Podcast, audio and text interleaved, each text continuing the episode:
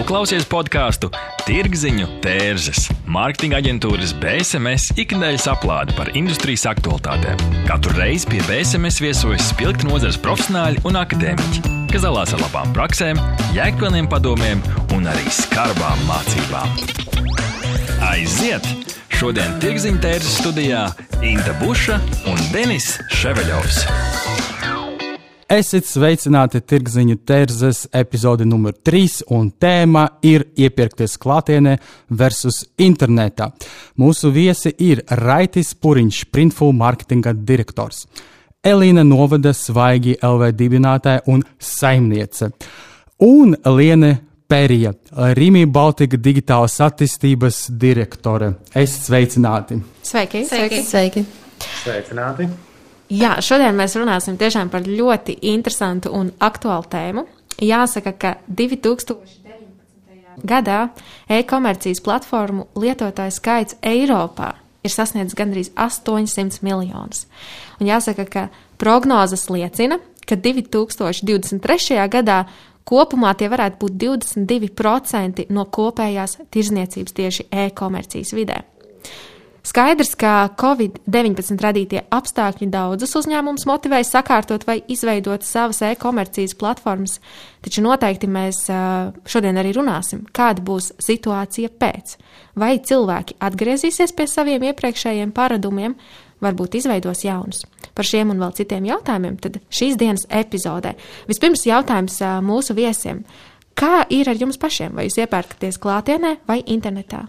Es pati ikdienā iepērkos ļoti daudz internetā, un esot svaigalvē saimniecei, es pati sev to atkal un atkal lieku par izaicinājumu iepirkties aizvien apzinātāk.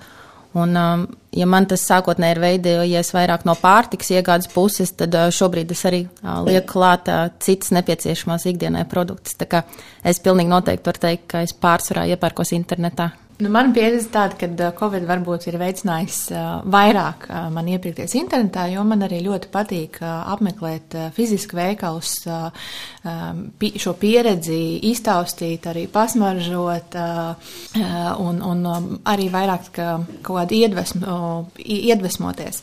Bet, protams, Covid ir varbūt pavairojis to pirkumu skaitu, ko es veicu internetā, un, un noteikti ir palielinājis man pasūtījumu biežumu internetā. Raiti, raiti.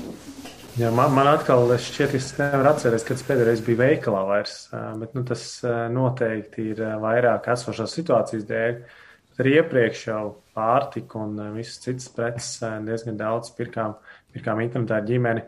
Šobrīd vienā brīdī es nezināju, kur iztās kartona kastes likt, kas man stāvēja stūrī no visām precīdiem, kas atnākušas no pirkumiem tiešsaitē. Tā kā ļoti daudz iepērkamies ja internetā un izmantojam ļoti ērti. Jā, mēs kopā ar Norstat arī noskaidrojam, kam tad cilvēki dod vispār priekšroku iepirkties klātienē vai internetā. Un jāsaka, ka 52% no aptaujātajiem saka, ka viņi labprāt dod tomēr priekšroku iepirkties klātienē, kamēr tikai 11% saka, ka internetā dot priekšroku. Kādas, teiksim, ir jūsu atziņas par šiem datiem? Vai šie dati pārsteidzoši, vai viņi ir likumsakarīgi?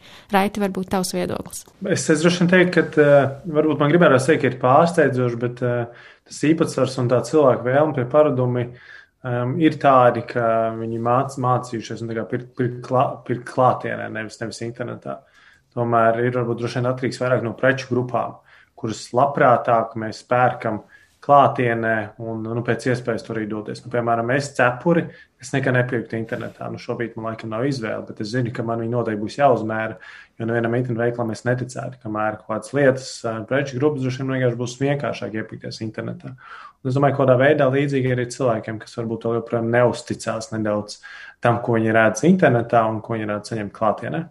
Jā, 34% arī šajā pētījumā norāda, ka tieši tā, tas atkarīgs no preču grupas. Kā Liena jūs komentētu šo Rimī uh, kontekstā? Es pilnīgi piekrītu, ka um, ir ļoti atkarīgs no preču grupas, uh, kāds ir uh, šis iepirkšanās biežums internetā. Ja mēs runājam tieši par pārtiks precēm, pārtiks preces uh, pirms Covid laika bija tās, kas netika iepirktas tik bieži. Pie, piemēram, 2018. gadā pārtika tika iegādāta varbūt mazāk kā 1% no visām pārtikas precēm bija online.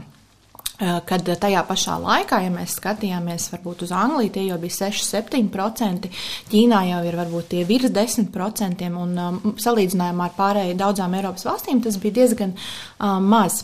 Uh, Bet, protams, Covid uh, bija jau 18. gadā vairāk un vairāk iepirkās uh, šīs pārtiks preces, un, protams, Covid uh, to veicināja vēl vairāk. Nepārtiks preces jau mēs iepirkām diezgan bieži, ja mēs runājam par Baltijas kontekstu. Un arī šis ir veicinājis to, bet tas procentuāli ir krietni vairāk. Tā kā ļoti atkarīgs no preču grupām, un Covid noteikti ir veicinājis, teiksim, pārtiks preču tirzniecību. Ja pētījums šī gada pirmajā ceturksnī rādīja, ka katrs ceturtais pēdējā mēneša laikā bija iepirkts pārtiks preces tiešsaistē. Uh, bet, kā dati rāda, tie nav ne 50, ne 70%, kas iepērk tiešsaistē preces, tie ir tomēr vēl joprojām daži procenti. Un kā Elīna Svaigelvē kontekstā jūs komentētu šos datus? Es domāju, ka svarīgi ir saprast to, kā vispār veidojās mūsu pašu kā cilvēku paradumi, un ja mēs esam nodzīvojuši visu savu apzinīgo mūžu, iepērkoties klātienē, tad mēs nevaram sagaidīt, ka ļoti, ļoti īsā brīdī šie paradumi mainīsies, jo tas, kas mūsos ir iesakņojusies, šī izpratne jau no bērnības, viņi prasa laiku, lai mēs pārskatītu, pārskatītu to, kā mēs savu ikdienu organizējam. Bet um, mēs varam runāt tieši par pārtiks pirkšanu internetā, un tas, ko mēs novērojam, tieši kā jau arī minēju iepriekš, ka līdz, uh, līdz šīm Covid izmaiņām uh, pārtikas e-komercija bija tā nozara, kas visā pasaulē attīstījās viena no vislēnāk vispār e-komercijas nozarēs, jo tāpēc, ka tur ir klāt ļoti daudz psiholoģiskie aspekti, kas cilvēkam savā um, izvēles izdarīšanas procesā ir jāpārvar, tas ir saistīts ar pārtikas drošību, veselību, uh, tos produktus, ko mēs liksim ģimenei uz galdu.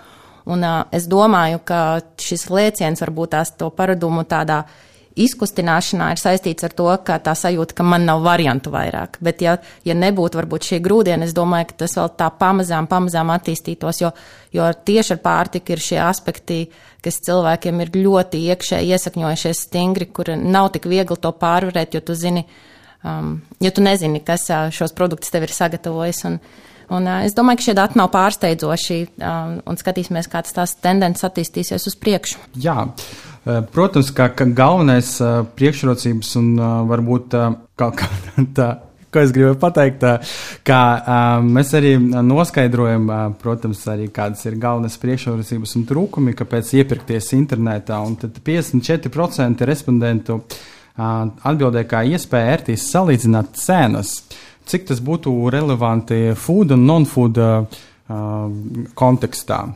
Varbūt uh, liene. Jā, nu, tas, ja mēs skatāmies pētījumus un, un, un to, ko cilvēki arī stāsta mums, kad mēs ar viņiem sarunājamies gan intervijās, gan dažādās atsauksmi formās, tas iemesls, kādēļ, tas, tas iemesls, kādēļ viņi iepērkās internetā, vis, visvairāk tādēļ, ka viņi redz, ka tas var ietaupīt viņu laiku, un viņi to var darīt jebkurā laikā, jebkurā vietā. Tātad es sēžu vakarā uz dīvāna, plānoju savu savu nākamo nedēļu un var izveidot groziņu.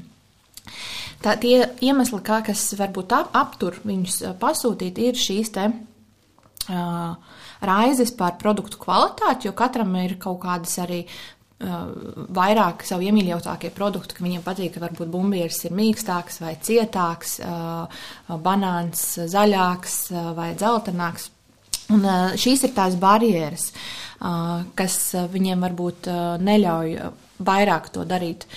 Um, bet, manuprāt, ir svarīgi iedot klientam abas iespējas, gan iepirkties tiešsaistē, gan arī pašā fiziskā veikalā, jo Pārtiks preces mēs ir grūti saplānot. Tu nevari arī piens tev nestāvēs divas nedēļas uz priekšu. Šīs preces uh, termiņi beidzās diezgan ātri, un tu nevari ieplānot un, un uh, paredzēt uh, pilnīgi visu. Ir vajadzīgs abas iespējas. Es varu plānot sestdienā, varbūt nākamajai nedēļai, un man pieved pie mājām, vai es plānoju, kad es rīt braukšu vakarā un nobraukšu garām gar Rimī drāvu un paņemšu braucot mājās. Un varbūt ceturtdienas vakarā man vienkārši vajag vēl pie, eh, piena paku. Vienu eh, pienu vienkārši man nepietiek līdz uh, svētdienai, kad man bū, atkal būs piegādes mājām. Uh, tā kā fleksibilitāte ir ļoti svarīga, bet arī kvalitātes aspekts pārtikas preču tirzniecībā ir viens no svarīgākajiem. Tieši šo arī mēs redzam savā pētījumā, ka 51% respondentu atbildēja, ka nav ierobežota darba laika, anytime, un, protams, kā arī uh, nav jāiziet no mājas. 47% liekas, ka tas ir uh, viena no galvenajām priekšrocībām iepirkties online tieši saite. Un raiti, kā, kā Printful iet ar šo? Nu, mēs esam e-komercijā, un eh, kā jau Elīna šeit minēja, ir tas, ka cilvēki ir piespiesti iepirkties internetā vairāk nekā agrāk. Tas ir, eh, nu, tur, man liekas, pirmie dati bija, tad eh, pirms mums gada bija, tad, principā, trīs mēnešu laikā e-komercijas attīstība bija tikpat strauja kā iepriekšējos desmit gados kopā. Tā kā tā cilvēka piespiešana, bet es gribēju paturpināt to pašu par cenas salīdzināšanu. Droši vien pārtīgā spēlē mazāku lomu, tāpēc, ka tā cena ir viens eiro, divi eiro, bet tiklīdz varbūt uh, izvēlēs savu televizoru, tad tas, vai, vai kas maksā vairāk simts eiro, tas tomēr lielāk, lielāks summas runā. Bet vēl es gribēju paturpināt par kvalitāti. Kvalitāte droši vien tas grūtākais. Nu, mēs printplā pārstrādājam drēbes un citus produktus, ko nu, ir, ir viens no produktiem, ko cilvēki grib uzmērīt, pačamdīt un saprast, vai tas viņiem derēs vai nē. Uh, Un tad eh, internetā ir daudz grūtāk eh, parādīt to, ka šis produkts ir kvalitatīvs, tev tas derēs. Ja tu gribēsi viņu valkāt, tad viņš eh, nu, būs, būs tev izmantojams vairāk, vairākus mēnešus, gadus, kā, kā nu kurš vēlās. Bet nevienmēr interneta veikali, gan ārzemēs, gan Latvijā, patiesībā izmanto visu šo klāstu, ko tu vari izmantot, kad tu apraksti par produktu. Tur salikt neierobežot daudz bildes, uh, Tu vari salikt video, tu vari salikt dažādus aprakstus, visu, ko viens var vēlēties. Un kas man liekas, tas foršākā lieta internetā, ko ir grūtāk iegūt, ja te uz veikalu, ir apsīties, ko citi cilvēki saka par šo preci. Vai viņi derējusi, vai, vai viņa bijusi laba, vai, vai nu, kāds, kāds, kāds, nu, kāds ir bijis šis produkts. Un šo daļu salīdzināt. Un, man liekas, internetu veikaliem, jebkuru preču, kur runājot, vienkārši jāmācās vien labāk, labāk pārdot šo produktu, parādīt, lai cilvēki ticētu, ka viņi kvalitīvi, viņi spētu uzticēties un veikt šo pirkumu. Jo viens jau ir, es jau šo preci uzreiz nedabūšu, es ar savu naudu kaut ko samaksāju un dabūšu viņu pēc vairākām dienām. Tā, tā ir tāda viena tēma par kvalitāti, kur ir jāmēģina parādīt. Nu, es nevaru pateikt, ka neviens man neticēs. Mana preci ir kvalitīva. Man to jādara daudz dažādām citādākām lietām, bildēm, fototekstiem, lai tas apmeklētājs tam noticētu. Jā, tieši arī mūsu pētījuma dati norāda, ka 31% liekas, ka iespēja redzēt atsauksmes no citiem lietotājiem ir tieši tā priekšrocība salīdzinoši ar klasisko iepirkšanas veidu. Arī ir cits interesants sociālais moments. Trešdaļā respondentu teica, ka nav uzmacīgi veikala darbinieki. Tas tiešām var būt arī Latvijai ļoti aktuāls, kā mums vienmēr ir tāds stereotips, ka mēs esam introverti, mēs gribam savu, uh, uh, savu private space, negribam, lai mums atnāktu kaut kāds uh, ar uh, pa, uh, vēlmi palīdzēt, kaut ko pārdot. Uh, kā, kā, kā jūs vērtējat šo momentu? Es varbūt tās, tas nedaudz būs no manas personīgās pieredzes, bet es skatos, ka uh, arī man pašai uh, šķiet un gribas, lai tas uh, piegāžu process notikt aizvien ātrāk, raitāk un ar mazāk tām darbībām, kas ir jāveic. Un bieži vien tas arī izslēdz šo vēlmi satikties ar svešiem cilvēkiem, ir ceļš šajos laikos. Bet es vēl nedaudz gribēju paturpināt varbūt to iepriekšējo jautājumu, jo mūsu gadījumā Svaigalvē klientiem, kuri meklē Latvijas zemnieku un saimniecību produktus, nav īstenībā šobrīd daudz citu opciju. Uh, kā pasūtīt šos produktus internetā, jo tas ir vienīgais ceļš, kā veidojot šo sadarbību ar saimniecībām. Mēs esam atraduši, ka tā ir virtuāla platforma, kā savest kopā saimnieks ar pircējiem. Mūsu gadījumā tie cilvēki, kur meklē dabīgu, īstu, arī bioloģiski audzētu pārtiku, tādā apjomā, nu, veikalu plauktos šobrīd nekur tas nav pie, pieejams. Un, un tad arī tie cilvēki, arī, ko mēs redzam, tās ģimenes, kas iepērkās pie mums, uh, tad viņi ir gatavi tās varbūt nērtības vai tos psiholoģiskos aspektus pārvarēt tieši šī produkta vērtības dēļ. Un tur varbūt nebūs tik daudz par, par cenu vai citiem šeit minētiem aspektiem, bet viņi tieši meklē specifiskus produktus ar zināmu izcelsmi, ar zināmu kvalitātes standartu. Un tas ir tas, ko mēs viņiem caur šo e-komercijas platformu varam piedāvāt, šīs plašās izvēles iespējas un ar šos zināmos produktus. Un, Un mums tā īsti pat nav opcija gan, gan uh, fiziskā un uh, e-komercijas tirzniecība. Tāpēc mēs redzam, ka tie klienti, kas iepērkās pie mums regulāri, tad viņu pašā augšpusē šķiet um, liek uh, tieši, jā, ko mēs, kā, cik kvalitīvus produktus mēs ģimenē ēdīsim un no kurienes tie nāk. Jā, paturpinot šo tēmu par patērētāju ekspektācijām, man ir jautājums, teiksim, kādas ir šīs patērētāja ekspektācijas un, ekspektācijas un kā jūs viņas mērat? Vai ir kaut kādi komentāri un kaut kāds viedoklis no jūsu patērētājiem, ko jūs esat ņēmuši vērā un, teiksim, arī ieviesuši savās e-komercijas platformās? Ja mēs uh, par svaigi pieredzi uh, paturpinam, tad mums ir uh, tā atšķirīgā lieta, ka mēs strādājam ar mazām zemnieku saimniecībām, maziem ražotājiem, kuriem pašiem iekšēji bieži vien nav stingri kvalitātes standarti, un šie produkti nav nemainīgi. Mainoties sezonām, mainoties mēnešiem, tā, nu, tā dinamika tai produktu mainībai ir ļoti, ļoti liela. Un tas, kā mēs varam šo kvalitāti uh, kontrolēt, lai piedāvātu labākiem mūsu klientiem, ir tieši klausīties klienta atsauksmēs. Lai arī cik mēs mēģinātu uh, sagatavošanas procesā novērot produktu kvalitāti un sekot tam līdzi, tad tomēr klients ir tas, kurš ļoti ātri iedod šo atgrieznisko saiti, un mēs klientus iedrošinam atkal un atkal dalīties savā pieredzē un teikt, ja ir kaut kādas problēmas, un dot mums iespēju to atrisināt, nekā vienkārši aiziet no mums prom, vairs nebūt mūsu klientam. Tas mēs strādājam un iedrošinam klientus dalīties ar to, kā kāda viņam bijusi pieredze, it sevišķi, ja viņa ir bijusi slikta. Un tad arī mēs varam nodot saimniekiem atpakaļ atgrieznisko saiti, kas ir jāuzlabo, kas ir jāmaina. Un mēs šo nu, 5-6 gadu laikā esam audzinājuši mūsu pašus saimniekus, kā vispār sadarboties ar pircējiem, kur viņi produktus meklē. Liena, jums ir komentārs? Jā, e, man šķiet, ka uh, klientu servis ir uh, tā, uh, tas departaments vai tā klient, customer journey daļa, kas ir tā tāds uh, sirds uh, or, puls uh, tavam uh, e-biznesam. Uh, pa, uh, sēžot vienu stundu uh, klientu servisā, uzklausot, uh, kas ir tie zvani, tu uzzināsi par savu biznesu vairāk uh, nekā tu domā. Uh, tāpēc uh, man ir ļoti svarīgi vienmēr sarunāties ar klientu servisu, lai dzirdētu, kas ir tas, ko klienti saka, un, un mēs arī Rimī ļoti daudz strādājam ar klientu atsauksmēm. Mums ir bijuši arī klientu dienas, kur mēs aicinam klientu klientus kopā ar Rimī vadību izstāstīt par viņu pieredzi un daudzas lietas, ko viņi ir mums pateikuši, mēs esam ieviesuši, kā, kā piemēram, kad viņi vēlas pievienot receptes groziņam, ko mēs esam arī veiksmīgi ieviesuši, kas bija balstoties uz klientu atsauksmēm. Un klientu servis arī tas, kas var palīdzēja klientam pārvarēt šīs bailes par šo kvalitāti. Jo, ja ir atsaucīgs klientu servis, ja viņam pārliecība, ka, ja man kaut kas nebija kārtībā, es varu pazvanīt, es varu atgriezt preci vai man atgriezīs naudu, ja, kaut, ja olas bija netīšām saspiestas, tad tas radīs pārliecību. Un šī iespēja atgriezt viegli preces patiesībā veicina šo barjeras pārvarēšanu. Un klientu vēlmes, visu, manuprāt, ir tas ir tas process, kas visu laiku tev ir jāklausās gan par platformas attīstību, kur, piemēram, Arī mēs dzirdējām, ka klientiem ir bail sākumā varbūt pieskarties virsmām. Mēs ieviesam funkcionalitāti, ka mobilajā aplikācijā, ja tu veicīsi pasūtījumu drive, tu vienkārši piespiedi esmu ieradies un, un tev atnes tev nav pat tur nekur ne jāiet iekšā, ne jāpieskarās.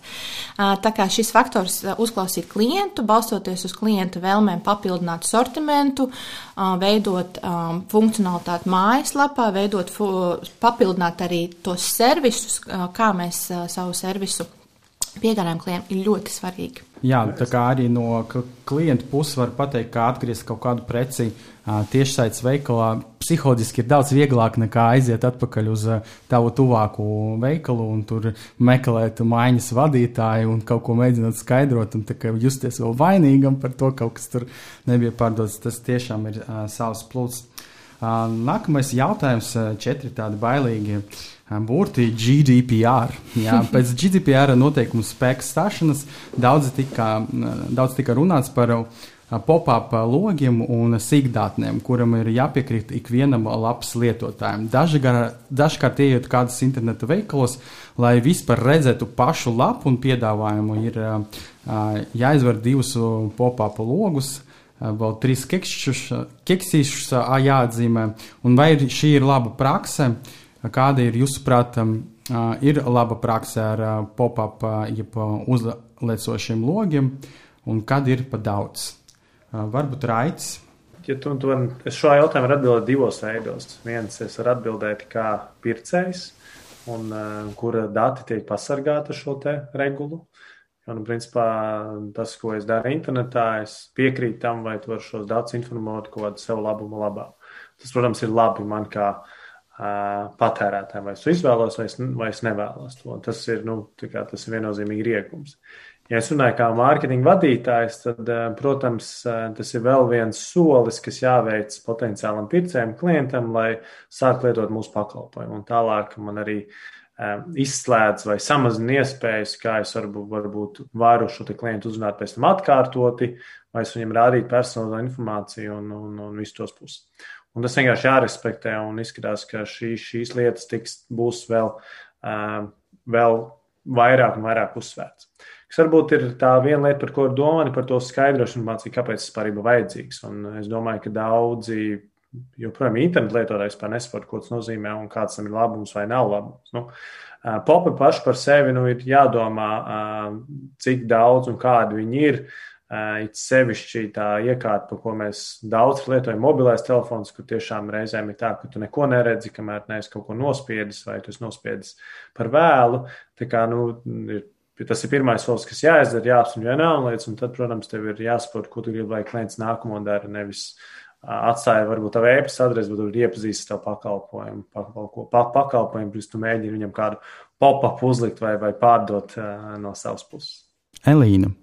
Mūsu mūs gadījumā ir tā, ka ir jāievēro, jāievēro noteikumi, kas ir jāievēro, un es domāju, ka arī tie, kur aizvien vairāk un biežāk iepērkas internetā, jau ir uh, nu, jau ir pieraduši pie tā, kā tas ir. Un, un es domāju, ka es nekļūdīšos teikt, ka lielākā daļa uh, klikšķina lietas automātiski, uh, nemaz neskatoties, uh, kas, uh, kas tur ir rakstīts un tas, ko um, no, no, kā mēs kā no uzņēmēja puses varam darīt, ar um, maksimāli censties. Uh, klientam uh, nelikt, nejusties nērti, kad viņš ir ienācis tavā mājaslapā, un tas, kā mēs to skatāmies, ka Mums nav bijuši tik liela uh, resursu, lai eksperimentētu visdažādākajos veidos un izmērītu visu, kas, uh, ko vajag, ko nevajag. Bet ir kaut kādas atsevišķas situācijas, kur mēs redzam, ka nu, tā nērtība klientam ir milzīgs ieguvums uzņēmumam vai otrādi. Un, un tās lietas, kas ir uh, jāsabalansē, tur neko citu nevar darīt.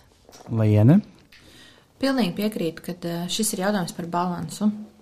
Katrs papildus klikšķis klientam nav uh, ērts tas nerada labu pieredzi priekš paša klienta. Bet tāpat laikā šīs tiesības klientam uz privātumu ir jāsaglabā. Un, un, manuprāt, tas ir pozitīvi, kad, kad tu nevari sākt lietot pirms tu esi kaut ko varbūt apstiprinājis, un tas tev katru reizi varbūt liek aizdomāties, varbūt es tomēr paskatīšos, kas, kas tad tur ir un sapratīšu, kā, kādas ir pri, man privātuma tiesības, un, un bieži vien arī šiem te, kas saucās cookie banneri, vai ja, tur ir dažādas arī iespējas personalizēt, jo varbūt, ka tu pat gribi, kad tevi seko, lai tev varbūt būtu labāka personalizācija šajā mājaslapā. Um, Un, manuprāt, arī bija nesen ziņās šis te raksts par WhatsApp, vai ne, kur WhatsApp prasīja klientiem apstiprināt jaunos noteikumus, kas principā nodotu klientu datus trešajai pusē Facebookam. Un klienti automātiski nespiedēs apstiprina ļoti daudz. Bija šis, ka cilvēks saka, es, es nelietošu vairāk. Klienti kļūst, vai mēs visi kā sabiedrība kļūstam izglītotāki, mums sāk interesēt vairāk šie jautājumi. Un, protams, tas nav patīkami ekstra klikšķis, bet tas ir par, palīdzēt, par to, kā mēs varam palīdzēt klientiem tomēr vairāk saprast savus privātuma tiesības un, un, un palīdzēt viņiem izvērtēt šos riskus, kas ir saistīti ar viņu datiem. Tā kā man, es to redzu pozitīvi. Tirziņa tērzes - tas ir vērtīgs saturs mūsdienīgam mārketinga speciālistam. Neatbildami jautājumi, sarežģīti lēmumi. Sazinies ar Norstat. Mēs palīdzēsim. Norstat. Tas ir draudzīgs servis, innovatīvi risinājumi un kvalitatīvi dati, lai tu varētu pieņemt veiksmīgus, datos balstītus lēmumus. Pievienojies vairāk nekā simts Latvijas uzņēmumiem, kas uzticas vadošajam datorisinājumu nodrošinātājam Ziemeļeiropā. Mūsu mērķis ir atvieglot tavu dzīvi un ļaut pieņemt pareizus lēmumus. Norstat - vērtīgi dati svarīgiem lēmumiem. www.norstat LV Pašreiz mēs varam uh, novērot, vismaz pēc 2018. gada veiktā pētījuma, ka e-komercijā attīstītākās valstis Eiropā ir Vācija, Dānija, Čehija, Zviedrija un Igaunija, kamēr Latvija ierindojas vien 17. vietā. Skaidrs, ka šogad un noteikti arī pēc Covid situācija Latvijā ir mainījusies. Kāda ir e-komercijas nozīme jūsu pārstāvētajos uzņēmumos un cik lielu uzmanību uh, vērš vadība šiem jautājumiem? Varbūt tā Rimija pieredze varam sākt. Mm.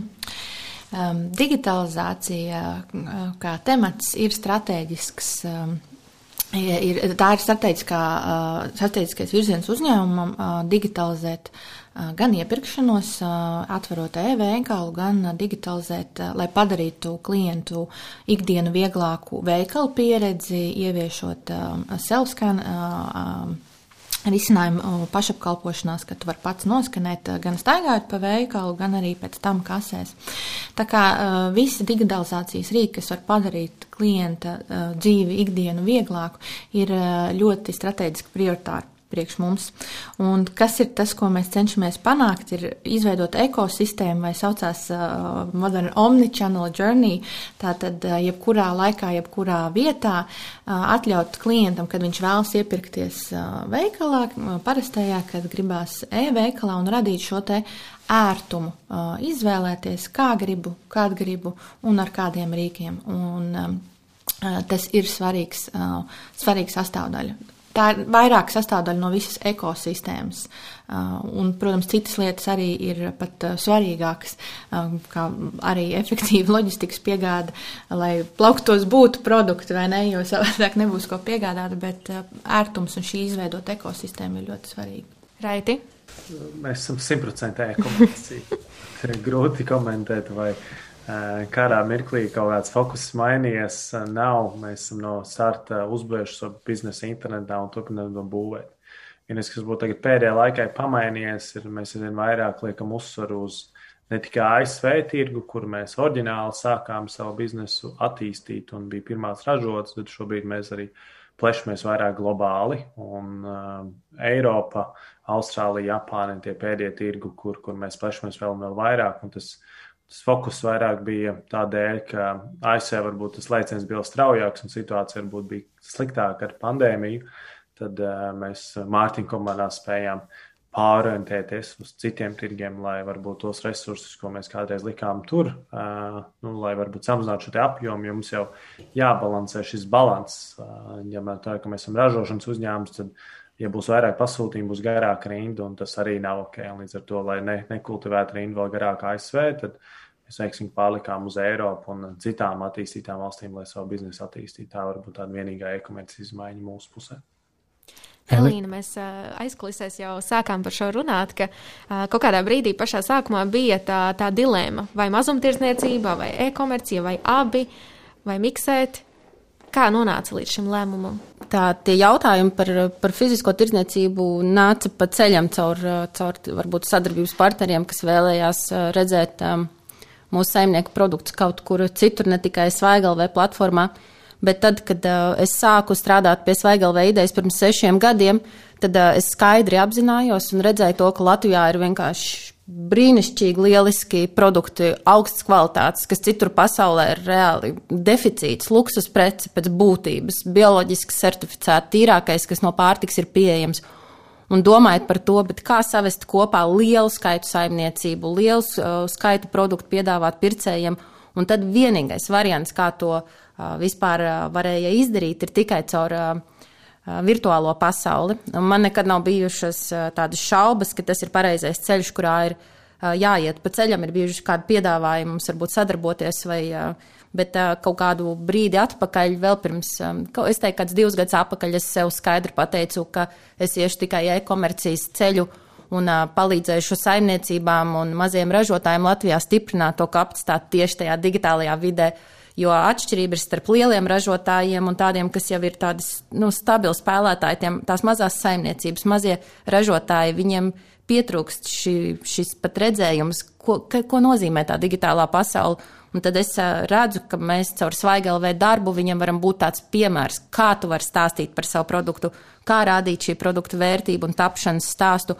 Un arī tas, ko ar svaigi caur e-komerciju arī es vēlos um, panākt, ir ieraudzīt, lai cilvēki novērtē to, kas mums Latvijā ir. Un es neredzu citu ceļu, kā tieši caur e-komercijas digitālajiem kanāliem, virtuālo pasauli šo stāstu nest un stāstīt it sevišķi tajās saimniecībās, kur ir ļoti, ļoti ierobežoti resursi. Un tad šī uh, virtuālā pasaule ir tas, kas ir pieejams katram, kurš tikai gatavs strādāt un uh, tā teikt rakt. Uh, tāpēc mums tas ir ārkārtīgi svarīgi, un es redzu, ka mūsu, mūsu Latvijas uh, mazie uzņēmumi, ražotāji, viss būtu tikai jāiedrošina šo pasauli iepazīt un, un drosmīgāk izmantot. Kā e-komercijas straujā attīstībā ietekmē mārketinga budžets un komunikācijas fokus uzņēmumā Liene?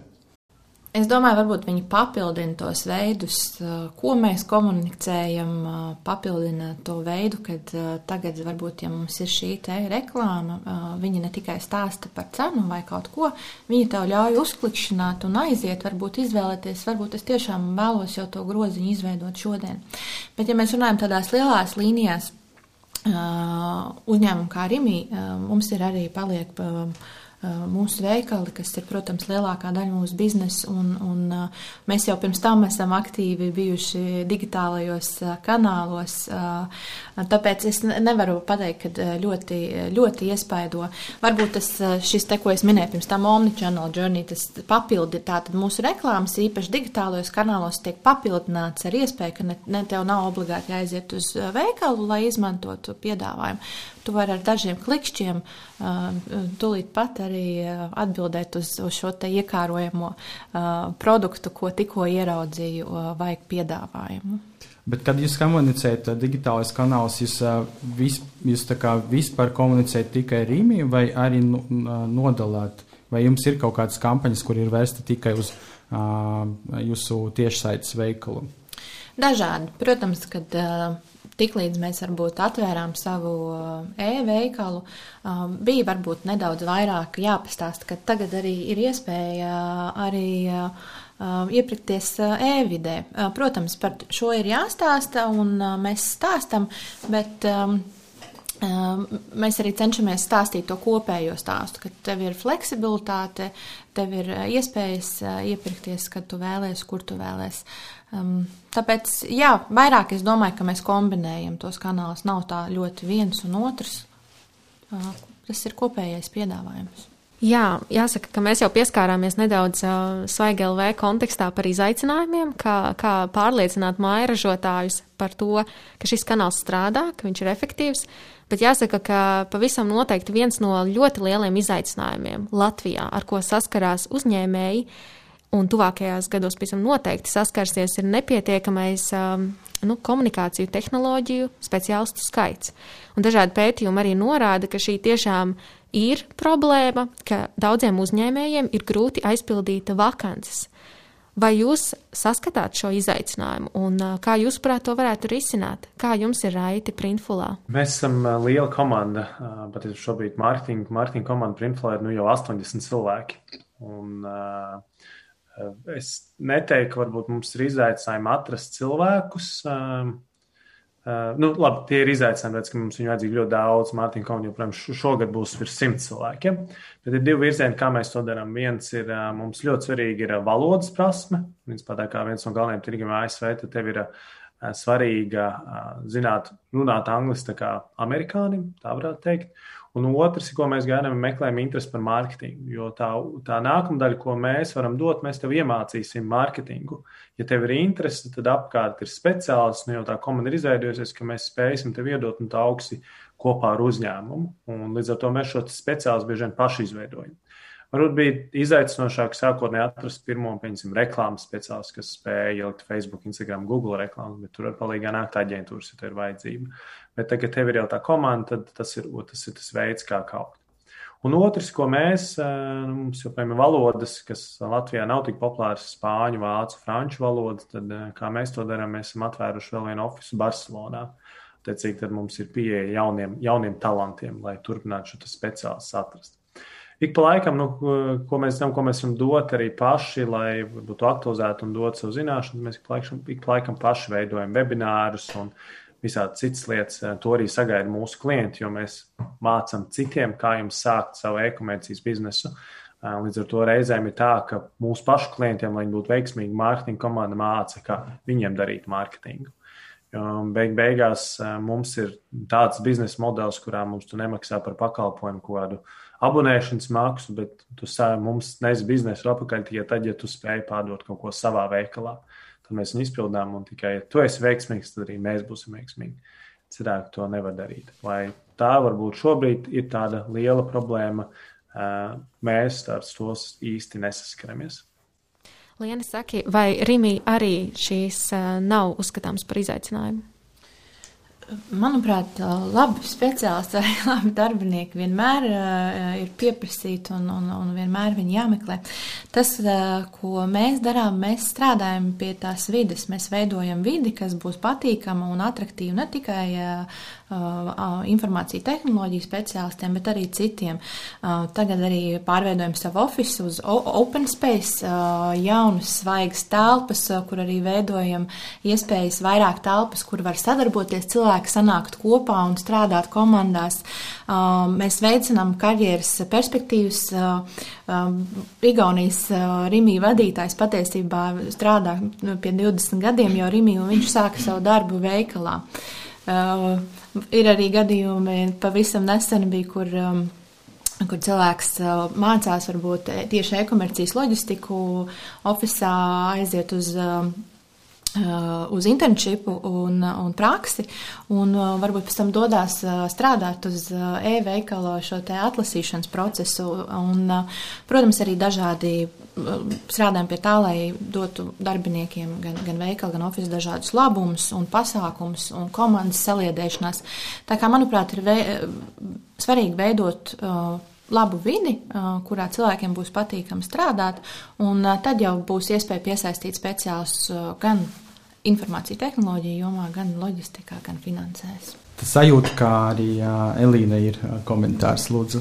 Jā, es klausos šos um, um, Printful un uh, Rimijas stāstus. Man tā ir cita galaktika. Nu, tikai tas nav pat uh, citā, citā, cits kontinents, bet tikai no citas galaktikas mēs esam, jo mēs esam um, neliels uzņēmums ar uh, ārkārtīgi, es teiktu, ierobežotiem resursiem. Un tieši resursu trūkums ir bijis tas, kas mums ir licis būt visradošākajiem. Kā sasniegt to rezultātu, kas ir nepieciešams, bet, bet nu, tev resursi ir tik, cik ir. Citreiz tev pat ir mīnus. Ko, tu, ko tu ar to darīsi? Tieši ko tu ar to darīsi? Un tad, tad par to um, es arī esmu runājis daudz ar saimniecībām. Un, uh, um, visplašākajā izpratnē par to, viņi, kad viņi jautā, kā mums sāk, kā mums darīt, ko mums darīt, tad es saku, ka ir uh, drosmīgi jādara un jāmācās caur pieredzi un praksi. Un ja nav darbinieku, ja nav speciālisti, kas to dara, tad tam ir jāiet cauri pašam. Un arī es bieži o, svaigu komunikāciju veidoju pati, pat ja man ir darbinieki, tu vienkārši visu laiku tur rokas pulsa, kā ziņas sagatavot, kā ierakstus sagatavot, kā live video, tā tālāk un tā joprojām. Un, un es redzu to, ka, ka tādi resursi, kas ir lieliem uzņēmumiem, lai runātu par šiem izaicinājumiem, trūkst vai netrūkst darbinieki, mūsu gadījumā ir drīzāk visu laiku domāt par to, kā sasniegt to rezultātu, kas ir nepieciešams ar ārkārtīgi ierobežotiem resursiem. Un, Nu, mēs ar šādu problēmu nes, nesaskaramies, protams, jo mums ir neliels, neliels speciālists skaits, kas ir nepieciešams, bet mēs cenšamies sasniegt maksimālo rezultātu. Un tikai tie, kuri ir arī, arī ar to, ka viņiem nav šī komanda atsevišķi, kas uz to strādā, es tikai ieteiktu darīt un darīt, un tad, kad šķiet, ka nekas nesanāk, tad darīt vēlreiz četri būt neatlaidīgam, labs ieteikums, bet es gribētu arī no komunikācijas pagatnes perspektīvas pateikt, ka arī lielo uzņēmumu vadītājiem ir svarīgi komunicēt gan sociālajos tīklos, gan arī citur. Tas ir, protams, liels pienesums. Taču man ir nākamais jautājums, un, protams, kā atsevišķim produktam ir ļoti svarīga personīga pieeja un sarunā ar patērētāju, lai spētu piedāvāt un nodrošināt piemērotāko produktu. Vai individuāla pieeja tuvākajos gados zaudē savu nozīmīgumu un vispār kā pārnest individuālo apkalpošanu e-komercijā? Raiti. Ļoti labs jautājums, Denis. um, to individuālo ir daudz un dažādas metodas. Um, Mums, mēs strādājam daudz tirgos, un patiesībā tūkstošiem lietotāju sāk mēģina lietot Printful platformu katru dienu. Tur tādu individuālo cilvēku pielikt katram vispār neiespējami. Mums nav tik daudz zemnieku, kas varētu darīt. Mēs varbūt to kādreiz pagātnē mēģinājām, kad bija mazāki. Bet kas, tas, ko, ko šobrīd komanda mēģina, un principā izmantojot nu, internetu burvību, ka tu daudz ko zini joprojām par cilvēkiem, viņš atļauj to redzēt, tad e, mums ir svarīgi, lai atnāk no jebkuras valsts, vai tu nāc no Latvijas, vai tu nāc no ASV, vai no Lielbritānijas, vai Austrālijas, ka tu šeit mājaslapā vari redzēt, kādu pakalpojumu tu varēsi saņemt savā valstī. Kur būs tie produkti, ko tu varēsi dabūt, cik ilgi tev būs jāgaida, lai viņus saņemtu. Līdz ar to šādā veidā varbūt personalizēt šo piedāvājumu, kāpēc tu atnācis.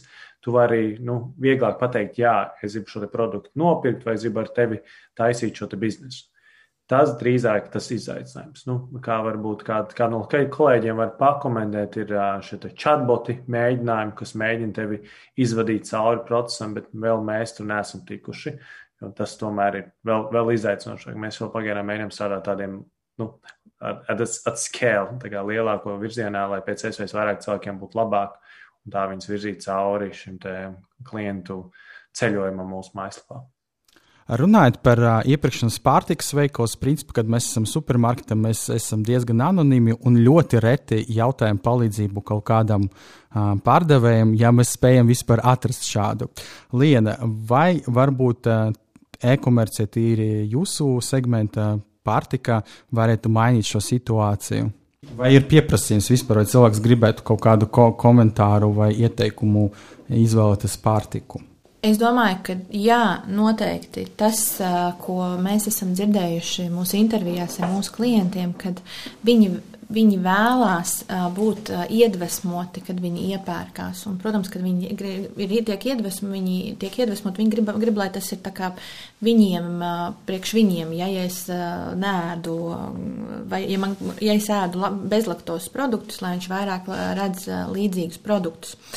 Un, um, Šai personalizācijai ir svarīga vieta, um, kā piemēram Mums šodien, ja tu ielogojies ar savu mans rīmīgu kontu e-veikalā, tu redzi savus pirktākos produktus, kas tev var um, atļauj ātri sapildīt savu grozu.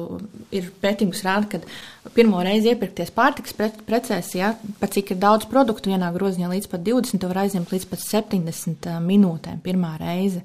Un, lai to atvieglot, mēs izmantojam, ja viņi ielogojas savu mans rīmīgu kontu, kas ir, kas, ko viņi jau, ko mēs zinām, ko viņi pērk fiziskajos veiklos, viņi redz tos pašus produktus, un viņi var burtiski minūšu laikā izveidot groziņu savu favorītu. Tāpat arī mums ir šie personalizētie piedāvājumi, ko katru nedēļu var aplūkot kas arī bāzētu uz viņu iepirkšanos. Bet ir ļoti svarīgs šis te, kā es saucu, balans starp personalizāciju. Personalizācija nevar būt tikai um, tu iepērc um, apelsīnus, tāpēc es tev rādīšu apelsīnus um, vai līdzīgas lietas ar apelsīniem. Cilvēki grib uh, šo te iedvesmu, viņi grib uzzināt, ko es vēl varētu vai pagatavot kādu citu produktu. Viņi grib ļoti daudz dzirdēt par jaunumiem, un uh, tas ir uh, ļoti svarīgi. Ja mēs runājam, kas nākotnē vai personalizācija pazudīs vai nepazudīs, es domāju, viņi nepazudīs, bet uh, tās divas tādas tēmas, kas, manuprāt, paliks ar vien svarīgāks, ir veselība un um, ilgspējība, tāda health and sustainability. Cilvēki arī, manuprāt, Covid uh, ir mūs iesprostojis mājās, varbūt vairāk. Ja? Mēs vairāk domājam par tām, kur mēs ejam, kā mēs savu fiziski nodarbināsim, ko mēs liekam mutē. Varbūt tā steiga nedaudz ir kaut kādā ziņā sam samazinājusies. Jums vairs nav jābrauc varbūt līdz darbam, ja mēs strādājam no mājām. Cilvēki var vien vairāk domāt par to, kas ir veselīgi un ko mēs liekam savā mutē. Tātad veselīgas izvēles un, un šai personalizācijai būs jāpalīdz ar šīm te jāveicina, piemēram, rādot uz produktiem, kurš ir ekoprodukts vai kurš ir bez laktozes, bez glutēna, lai viņš var viegli orientēties. Un arī ilgspējīgi cilvēki arvien vairāk un arvien vairāk, man liekas, atzīst gan zīmolus, kas, kas ir ilgspējīgi, un viņi vēlēsies par to domāt.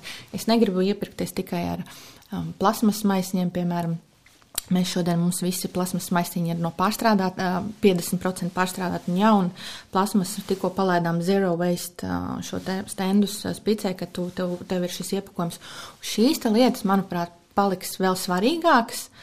Uh, personalizācija nepazudīs, bet šīs divas tēmas vairāk dominēs nākotnē.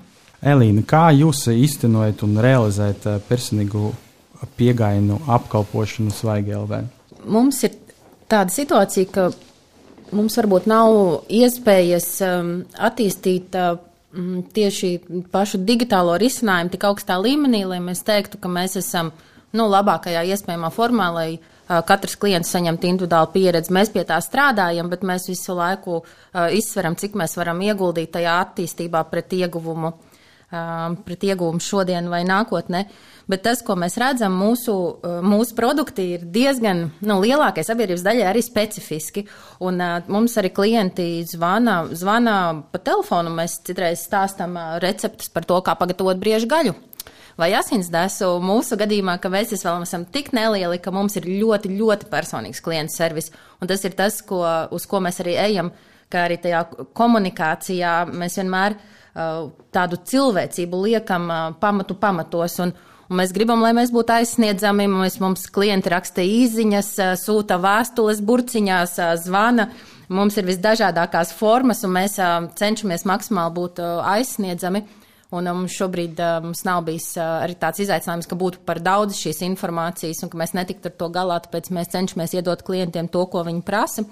Bet mēs redzam to, ka, ja mēs pasūtījuma sagatavošanas procesā, un arī kā Raits teica, ja mājaslapā tu esi ielicis pietiekami informāciju, tas arī diezgan daudz jautājumus noņem nost viņiem, par ko nav jāsatraucās. Un, un tā kā mēs miksējam tādu, kur nepieciešams atbildam, kur vajadzīgs risinām, un bet cenšamies arī informēt pirms tam.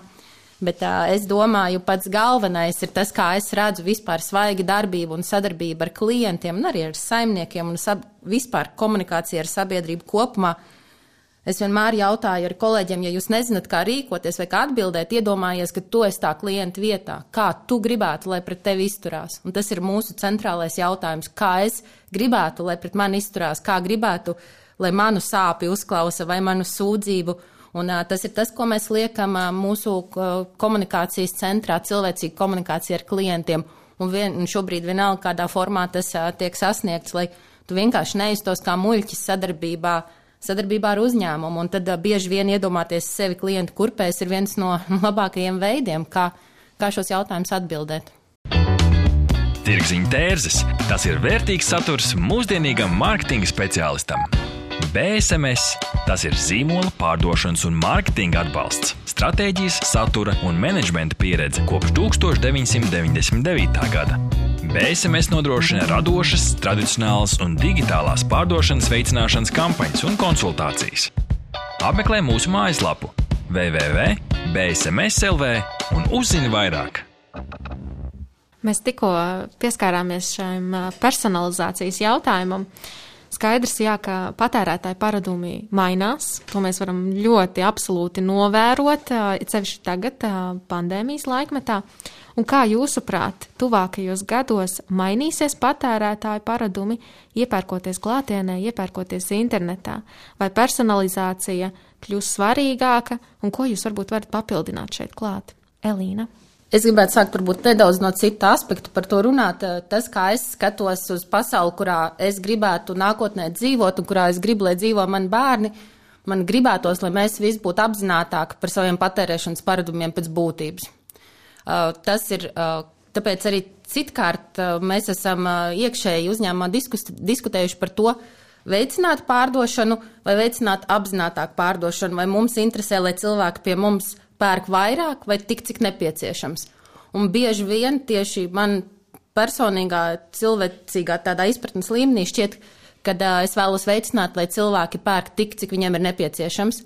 Un, ja runājam arī, kur pieskaramies ilgspējības jautājumam, man šķiet, ka tas ir ļoti būtisks aspekts.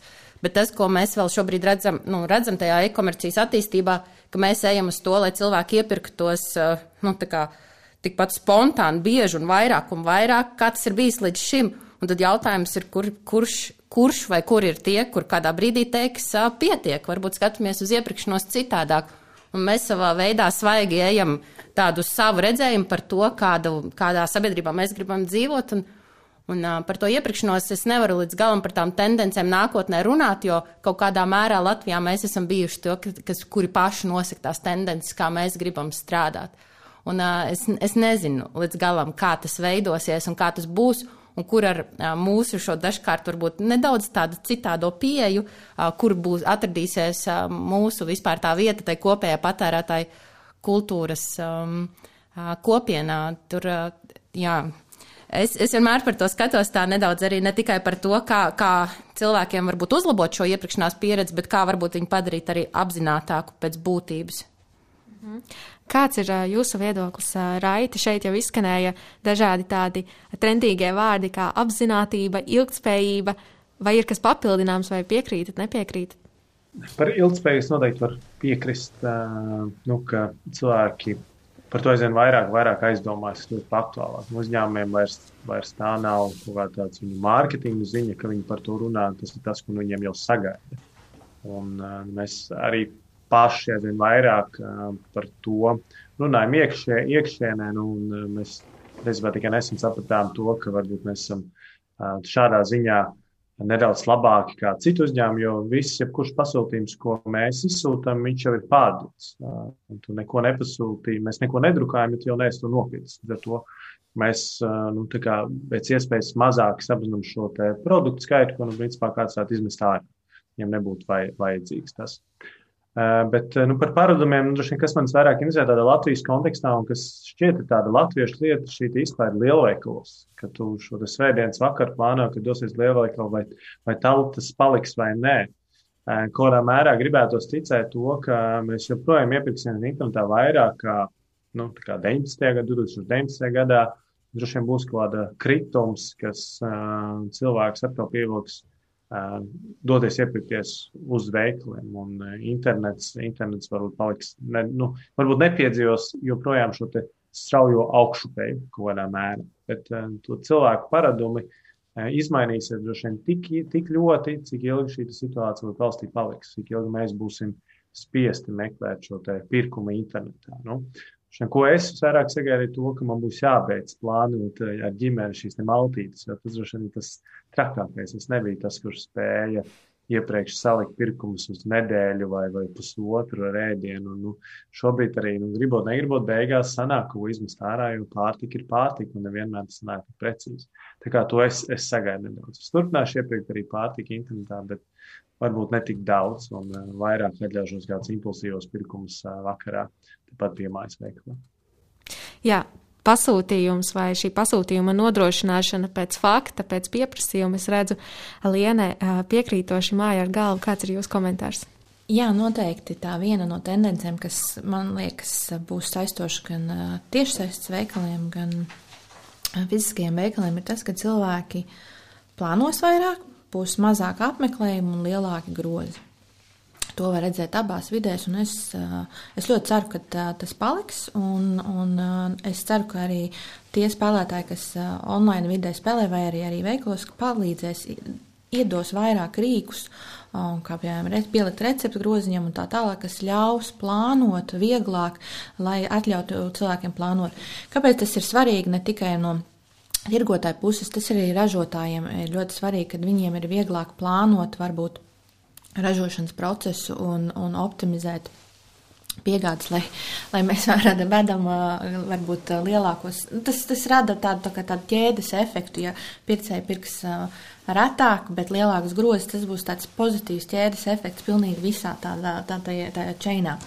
Ja mēs runājam par šo te balansu starp piešsaistu un fiziskiem veikliem, ja mēs paskatāmies uz ļoti attīstītu tirgu Ameriku, kur ir šie te saucās angliski pure players vai tie spēlētāji, kas ir, kam ir tikai online veikali, viņi patiesībā pārtiks preču tirgu sastāv 25% no visu tir, online tirgus, un 75% tomēr ir tie, kuriem ir abas iespējas. Tāda es paredzu, ka uh, cilvēkiem, cilvēki dos priekšroku abām Šādi tad varbūt svētdienā viņiem ir ērtāk vienā e-veiklā iepirkties, lai piegādātu trešdienai preces. Šādi tad viņš ieskries piena pakaļ, pakaļ ceturtdienas vakarā, un uh, ir jāpiedāvā abas uh, iespējas, un viņas abas nekur nepazudīs. Um, šis te anytime, anywhere uh, ir, uh, man liekas, jebkurā vietā, jebkurā laikā ir tie galvenie divi akcenti. Raitim ir kaut kas sakams.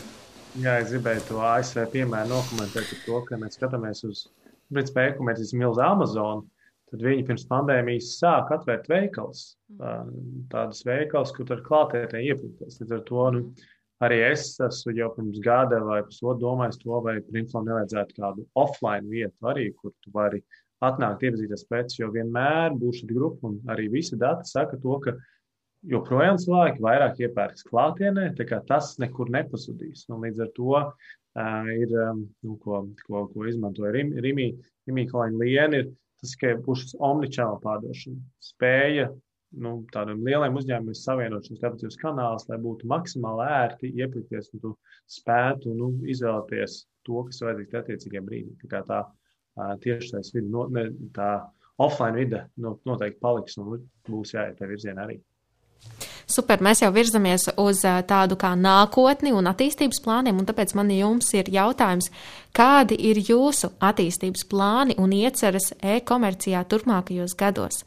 Ko jūs esat paredzējuši? Varbūt varat padalīties ar to, ko jūs gatavojaties ieviest. Kā ir svaigi LV? Mūsu gadījumā ir tā, ka mēs, es nevaru tādu iezīmēt, tādu radikālu kaut kādu citu cit jaunu biznesa attīstības virzienu. Tas, ko mēs darīsim, ir strādāsim, lai dotu iespēju pēc iespējas lielākam Latvijas saimnieku un mazo ražotāju skaitam piedāvāt savus produktus un lai pretī produktam būtu arī pircēji, kuri to um, iegādātos, lai process būtu ātrāks, efektīvāks, cilvēkiem ērtāks, saprotamāks. Un, un turpināsim stāstīt uh, saimnieku stāstu, lai tās vērtības uh, Latvijā, kas ir, uh, cilvēki aizvien vairāk novērtētu. Ja mēs runājam tieši par um, tiešsaistī un e-veikalu, tad noteikti paplašināties, paplašināt teritorijas, paplašināt uh, šo drive un click un collect punktu skaitu, lai uh, ļautu arvien vairāk un arvien vairāk cilvēkiem izmantot šo te ērto iepirkšanās veidu. Ja mēs runājam par pašu pieredzi, varbūt e-veikalā noteikti šīs tēmas, ko es minēju, personalizācija turpināsies. Šīs aktivitātes, kas palīdzēs cilvēkiem izvēlēties veselīgākas ēdienus un ilgspējīgas produktus, kā arī palīdzēt ar šiem plānošanas rīkiem. Gan e-veikalam, gan fiziskiem veikalam, iepirkšanās sarakstu mobilajā aplikācijā turpināsim attīstīt. Uh, viss, kas palīdzēs plānot vairāk un, un, un izdarīt labākas izvēles kopā, uh, lai padarītu to ikdienu mums visiem labāk. Kā ar uh, Printful? Nu, mēs joprojām esam tādā jaunā biznesa nozarē, ko ne visi zina. Nu ko mēs joprojām mācām cilvēkiem, to, cik vienkārši sākt savu e-komercijas biznesu, ja tu esi ja tu gribi sākt drukāt savu tēkra krūzīti ar kādu logo, un to var ielikt savā mājaslapā, un ja kāds nopirks printfuls, izpildīs šo te pasūtījumu. Un tev vienīgā lieta, kas tev vajadzīgs, tevs dators un ideja. Tas arī viss. Tev nav, nav nekas nevienā vietā, nav jā, jāīrē nokta vai kaut kas cits. Tas ir tas, ko mēs darīsim. Mēs turpināsim izglītot cilvēkus par to, ka tāda lieta eksistē, ka tu vari daudz vieglāk uzsākt savu biznesa e-komercijā, ka tas ir daudz mazāk bērēji, kāds bija iepriekš. Bet tādā globālākā lietā nu, mēs uh, joprojām gribam strauji augt, un kā viens no virzieniem šim gadam un uz priekšu ir uh, starptautiskā izaugsme, ja mūsu tirgus ir bijis ASV un, ASV un, un Eiropa, tad mēs šobrīd fokusējamies uz to, lai aizvien vairāk mūsu pakalpojumu piedāvātu vairāk valodās, piedāvātu vairāk valūtas. Mēs, piemēram, šonadēļ pievienojam sept, septiņas valūtas, tā starp arī Korejas dolāru un, un, un šādā virzienā. Un, uh, mums ir vajadzīgs šīs ražotas globālās vietās, jo nu, pat, lai mēs būtu tuvāk klientam, nu, mums nebija ražotne Eiropā, tad pats no ASV bija jāgaida divas, divas nedēļas. Tas arī, nu, ja mēs skatāmies tādu ilgspējīgu, tas arī lielākus izmešus rada, jo pats viņa ceļo ilgāku laiku. Tad to, kas klients sagaida, gala klients to, ka pats viņš saņems ātri, un nu, mūsu vēlme ir to izsūt pēc iespējas tuvāks tuvākas lokācijas ir šim klientam. Tā kā šī starptautiskā izaugsme būt jebkurā vietā pasaulē ir tas, ko mēs redzam, mēs gribam šo virzienu un nedomāt tikai par ASV Eiropu, kas varbūt bijis fokus iepriekš. Ok, tad uh, izklausās, ka globalizācija un iepirkšanas interneta neapdraudēs uh, lokālas uh, kopienas. Un ar šo es gribētu arī noslēgt mūsu trešo epizodi. Studija bija Raitis Pūriņš, Printful marketinga direktors, Elīna Novada Svaigelvē dibinātāja un saimniece, Liene Perie Rīmī, Baltika digitālas attīstības direktore, kā arī Inta Buša un Denis Ševiļovs. Paldies, ka klausījāties BSMS podkāstu Tirziņu tērzes. Aplādi ar labām praktiskām, jēgpilniem padomiem un skarbām mācībām. Patika epizode? Dalies sociālajos medijos, ir idejas tēmām vai viesiem? Raksti mums! Tās bija Tirziņu tērzes. Tiekamies nākamnedēļ!